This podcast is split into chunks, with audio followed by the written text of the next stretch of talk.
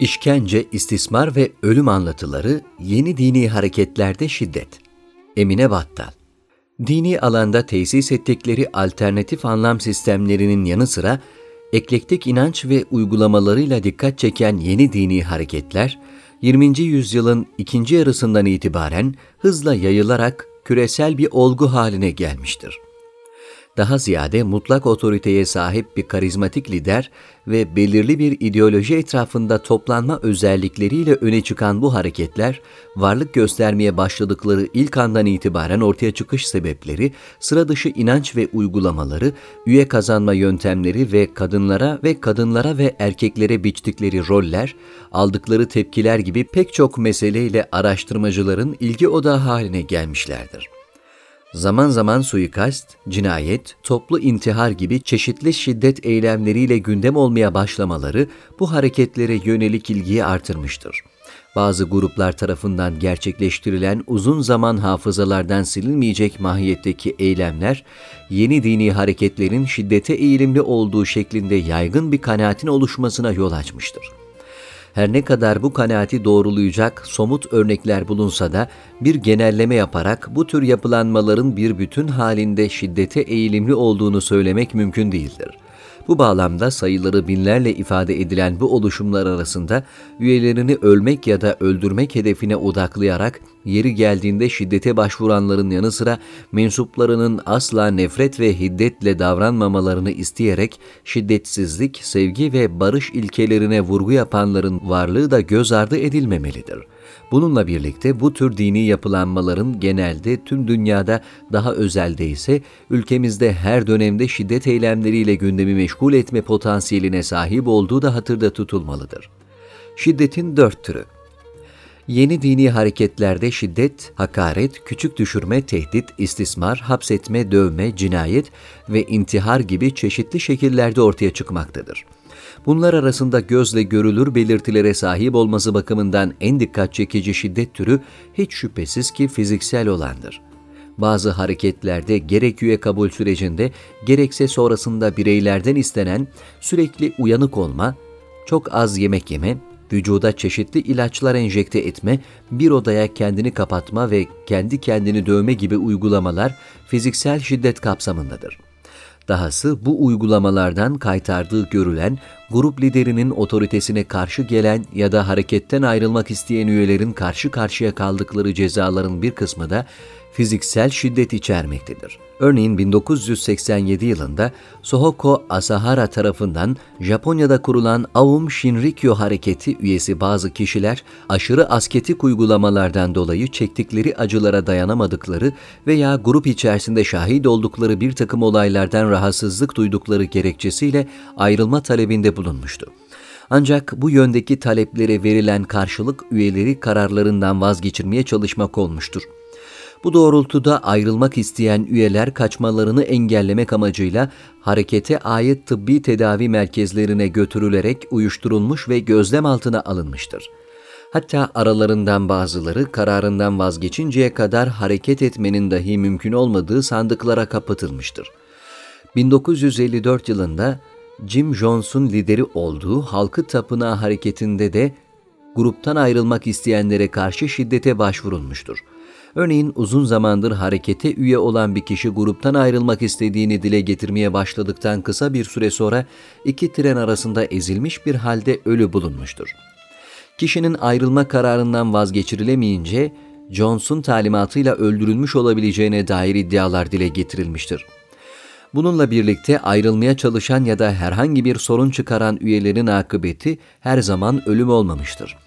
Bu kişiler yeniden eğitilinceye kadar acı biber çiğnetilmek, uyuşturucu ilaç verilmek, ağır bedensel işlerde çalıştırılmak, tabut büyüklüğünde sandıklara kapatılmak, herkesin gözü önünde dövülmek gibi çeşitli cezalara çarptırılmışlardır. Yeni dini hareketlerde görülen fiziksel şiddet örnekleri arasında ölümle sonuçlanan cinayet ya da intihar olayları çok daha fazla dikkat çekmektedir. Bilindiği üzere bazı gruplar bütün üyelerinin aynı anda hayatlarına son verme teşebbüsünde bulunduğu toplu intihar eylemleriyle gündeme gelmiştir. Gerçekleştirilen bu toplu intihar eylemlerinde genellikle zehirleme, yakma, boğulma gibi yöntemler kullanılmıştır. Nitekim on emrin restorasyonu cennetin kapısı ve halkın tapınağı hareketlerinde bu yöntemlere ilişkin çarpıcı örneklere rastlanmaktadır. Bonnie Necklace ve Marshall Applewhite tarafından kurulan Cennetin Kapısı hareketine mensup 39 üye, 1997 yılında uyku hapı karıştırılmış vodka içerek intihar etmiştir. Yine Sredonia Miverinde ve Joseph Kivvetere tarafından kurulan 10 Emrin Restorasyonu Hareketi üyesi yaklaşık 540 kişi 17 Mart 2000 tarihinde Uganda'da kapısı ve pencereleri dışarıdan çivilenerek kapatılmış bir kilisede kendilerini yakarak yaşamlarına son vermiştir. Bir başka çarpıcı eylem 17 Kasım 1978'de Guyana'da halkın tapınağı hareketince gerçekleştirilmiştir. Lider Jim Jones takipçilerine meyve aromasıyla karıştırılmış siyanür içmelerini, çocuklarına da enjekte etmelerini emretmiştir. Neticede 642'si yetişkin, 276'sı çocuk toplam 918 kişi hayatını kaybetmiştir. Bazı hareketlerde intihar olaylarıyla iç içe geçmiş bir şekilde de karşımıza çıkabilen cinayet eylemlerine ilişkin çok sayıda örnek sıralamak mümkündür cinayet eylemleriyle gündeme gelen hareketlerin başında Aum Shinrikyo yer almaktadır. Aum Shinrikyo üyelerinin işlemiş olduğu cinayetlerin başındaysa ilkini 1994 yılında Matsumoto'da, ikincisini 1995 yılında Tokyo'da hareket mensubu olmayanlara karşı gerçekleştirmiş oldukları sarin gazı saldırısı bulunmaktadır. Bu iki saldırı sonucunda toplamda 19 kişi ölmüş, binlerce kişi yaralanmıştır. Cinayetler bağlamında 1984 yılında Joseph Di Mambro ve Luke Joret tarafından kurulan Güneş Tapınağı tarikatına da değinmek gerekir. Hareketin ilişkilendirildiği en başat cinayet eylemi eski bir üye olan Antonio Dutoit'in eşi ve çocuklarıyla birlikte öldürülmesidir. Dutoit'in zamanla lider Di Mambro ile arası açılmış, dolayısıyla hareketlerle olan ilişkileri bozulmuştur. Bunun üzerine Dutoit eşini ve çocuğunu da alarak hareketten ayrılmıştır. Ancak Dimambro hareketten ayrılmalarını yeterli görmemiş, onları kafir ilan ederek öldürülmelerini emretmiştir. Nitekim 30 Eylül 1994 tarihinde bu emir yerine getirilmiştir. Dutoit sırtına aldığı 50 bıçak darbesi, eşi göğsü boğazı ve sırtına aldığı toplam 14 bıçak yarası, çocukları ise ahşap bir mızrağın kalbine saplanmasıyla öldürülmüştür üyeler üzerinde çok daha uzun süreli ve ağır bir etki bırakabilen psikolojik baskı ve zararlar yeni dini hareketlerdeki ikinci bir şiddet türüdür. Üyelerini aile ve akraba ve arkadaşlarıyla görüşmekten hatta iletişim dahi kurmaktan mahrum etmek bu tür dini yapılanmaların hemen hepsinde uygulanan bir psikolojik şiddet örneğidir başta halkın tapınağı ve cennetin kapısı olmak üzere birçok hareket üyelerinden zorunlu olmadıkça geride bıraktıkları hiç kimseyle görüşmemelerini istemiştir. Dahası aileler arasındaki bağların koparılması hareket dışında kalanlarla sınırlı tutulmamış, grup içerisinde de aile bireylerinin birbirinden uzaklaştırılması yoluna gidilmiştir. Ayrıca üyeleri işlemedikleri suçları itiraf etmeye zorlamak, herkesin gözü önünde küçük düşürülmek, korkutmak, tehdit etmek, insani eğilimlerini neredeyse tamamen terk etmeye mecbur etmek gibi uygulamalar psikolojik baskının bir başka boyutudur. Yeni dini hareketlerde rastlanan üçüncü bir şiddet türü, cinsellik içeren her türlü istismarı ihtiva eden cinsel şiddettir. Cinsel şiddet, cennetin kapısı ya da Brahma Kumaris gibi bazı hareketlerde cinselliğin tamamen yasaklanması, Branch Davidian ve Halkın Tapınağı gibi bazı gruplarda liderlerin üyeleri üzerinde cinsel hak sahibi olduğunu iddia etmesi, Tanrı'nın çocukları gibi bazı örneklerde ise grup seks ve fahişelik yapmanın teşvik edilmesi şeklinde gerçekleşmiştir. Tanrı'nın çocuklarının en temel stratejisi kadınların cinselliklerini kullanarak harekete üye ve para kazandırmaya teşvik edilmeleridir. Flörtle balık avlama adı verilen bu yöntemin izleri, ülkemizde varlık gösteren ve 2018 yılında düzenlenen operasyonlar neticesinde çok sayıda üyesinin tutuklanmasıyla gündem olan Adnan Oktar grubunda da sürülebilir. Kadın ve erkeklerin bir arada bulunduğu kısmen dini bir içerik de barındıran şarkılı ve eğlenceli programlarla kendinden söz ettiren bu yapılanmaların bilhassa kadın üyelerinin fiziksel görünüşlerini ve cinselliklerini ön plana çıkararak hareket etmeleri, Tanrı'nın çocuklarıyla benzer bir stratejiye başvurduğu izlenimi uyandırmaktadır. Yeni dini hareketlerdeki dördüncü şiddet türü olarak ekonomik sömürüden bahsedilebilir. Bilindiği üzere dini hareketlerden bir kısmı ortaya çıkış süreçlerinde toplumsal düzende var olan ekonomik adaletsizliklere ya da yoksunluklara sert eleştiriler yöneltmiş ve bu eşitsizlikleri giderme vaadinde bulunmuştur. Ancak söz konusu hareketler bu yöndeki iddialarını hayata geçirme noktasında çoğu zaman başarılı olamamışlardır. Dahası bazıları insanları ekonomik açıdan istismar eden uygulamalara yer vermiştir. Bu doğrultuda Branch Davidson gibi bazı hareketlerde üyelerin çalışma ve gelir elde etme özgürlükleri ellerinden alınmış, Aum Shinrikyo gibi bazılarında üyelerin mal varlıklarına el koymanın çeşitli yolları tesis edilmiş, halkın tapınağı gibi bazı gruplarda herhangi bir ücret ödemeksizin üyelerin beden gücünden yararlanma yoluna gidilmiştir. Ortak unsurlar ve faktörler Yeni dini hareketlerin aktörü olduğu şiddet olaylarının her birinin kendine has bir nedeninin bulunduğu bir vakadır. Bununla birlikte bu tür grupların gerçekleştirdiği şiddet olaylarında bir takım ortak unsurlar da tespit edilebilir.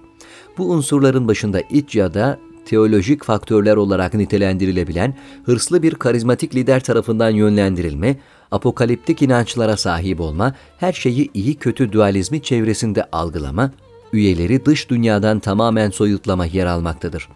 Bu dört unsur arasında şiddete başvurulup vurulmayacağını belirleyen en temel etkense karizmatik liderlerdir. Çünkü yeni dini hareketler büyük ölçüde kendi öğreti ve ideolojilerini geliştiren karizmatik liderlerin ellerinde şekillenmektedir. Bu husus apokaliptik inanç, dualist anlayış ve toplumsal izolasyon şeklindeki özelliklerin temelde karizmatik liderler tarafından inşa edildiğine de atıfta bulunmaktadır. Karizmatik liderler bu tür öğreti ve uygulamalarla mutlak otoritelerini tesis etmeyi başardıkları takdirde takipçileri tarafından genellikle sorgulanamaz, eleştirilemez ve karşı çıkılamaz bir şahsiyet konumuna yerleştirilmektedirler. Bu anlayış doğal olarak lidere büyük bir sadakatle bağlanmakla, ölme ve öldürme de dahil her şart ve koşulda ona itaat etmekle sonuçlanmaktadır karizmatik liderlerin şiddet potansiyeli üzerindeki etkisini görmek için her zaman çok uzağa gitmeye de gerek yoktur.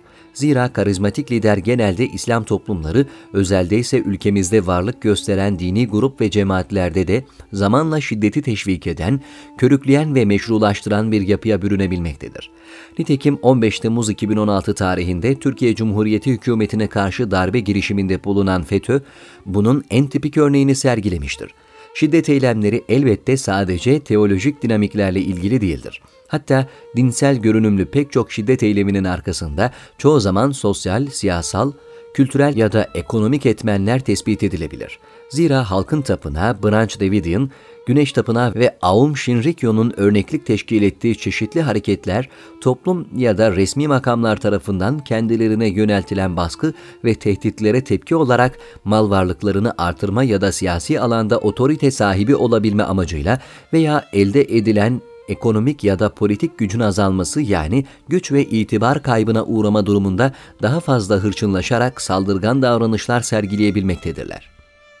Burada söz konusu faktörlerin birbirinin tamamen bağımsız bir şekilde değil, karşılıklı etkileşim neticesinde şiddete yol açtığını da belirtmek gerekiyor. Öte yandan bu unsurların şiddete yönlendirme noktasındaki etki ve ağırlıkları bir olaydan diğerine farklılık gösterse de inanca dayalı faktörlerin çok daha belirgin bir rol üstlendiğini söyleyebiliriz. Temel hedef kitleleri ve sonuçlar İnanç ve uygulamaların şiddete kapı aralaması ya da şiddeti körüklemesi geleneksel dinler içerisinde ortaya çıkan çeşitli gruplar kadar yeni dini hareketler için de geçerli bir durumdur. Yeni dini hareketlerin hakaret, küçük düşürme, tehdit, istismar, hapsetme, dövme, cinayet ve intihar gibi eylemleri incelendiğinde şiddetin temelde iki hedef kitlesinin bulunduğu görülmektedir. Üye olanlar ve olmayanlar. Üye olmayanlar genelde hakikatin düşmanları olarak nitelendirilmektedir. Hakikate aykırı davranışlar sergiledikleri düşünülen bu kimselerin yeni dini hareketlere üye olanlarca bu dünyadayken cezalandırılmaları yoluna gidilebilmektedir. Bu doğrultuda zaman zaman tek tek bireyleri bazen de birden fazla kişiyi hedef alan şiddet eylemleri gerçekleştirilebilmektedir. Buna karşın söz konusu hareketlerin kendi üyelerine uyguladığı şiddet hem nitelik hem de nicelik açısından çok daha ileri boyutlara ulaşmaktadır. Öyle ki üyeler harekete katılmaya karar verdikleri ilk andan itibaren bireylerde davranış değişikliği oluşturmak, grubu disipline etmek, liderlerin güç ve otoritelerini artırmak, muhalif sesleri bastırmak gibi gerekçelerle ekonomik şiddetten cinsel istismara, bireysel cinayetlerden toplu intihara varıncaya kadar şiddet barındıran çeşitli uygulamalara maruz bırakılabilmektedir. Kısacası üyelere uygulanan şiddet çoğu zaman ötekilere yönelik eylemlerini gölgede bırakmaktadır. İlave olarak şunu da söylemeliyiz. Hangi kategoride yer alırsa alsın, dini grupların hemen her dönem şiddet üreten tehlikeli yapılar haline dönüşebilme ihtimali bir takım tedbirlerin alınmasını elbette zorunlu kılmaktadır. Bu bağlamda tehlikeli ideolojilerden beslenen dini grupların gerçekleştirebilecekleri şiddet eylemlerini en aza indirebilmek için bireylerden resmi kurumlara kadar toplumun çeşitli kesimlerinin bir şekilde sorumluluk üstlenmesi gerektiği dikkatlerden uzak tutulmamalıdır olmalıdır.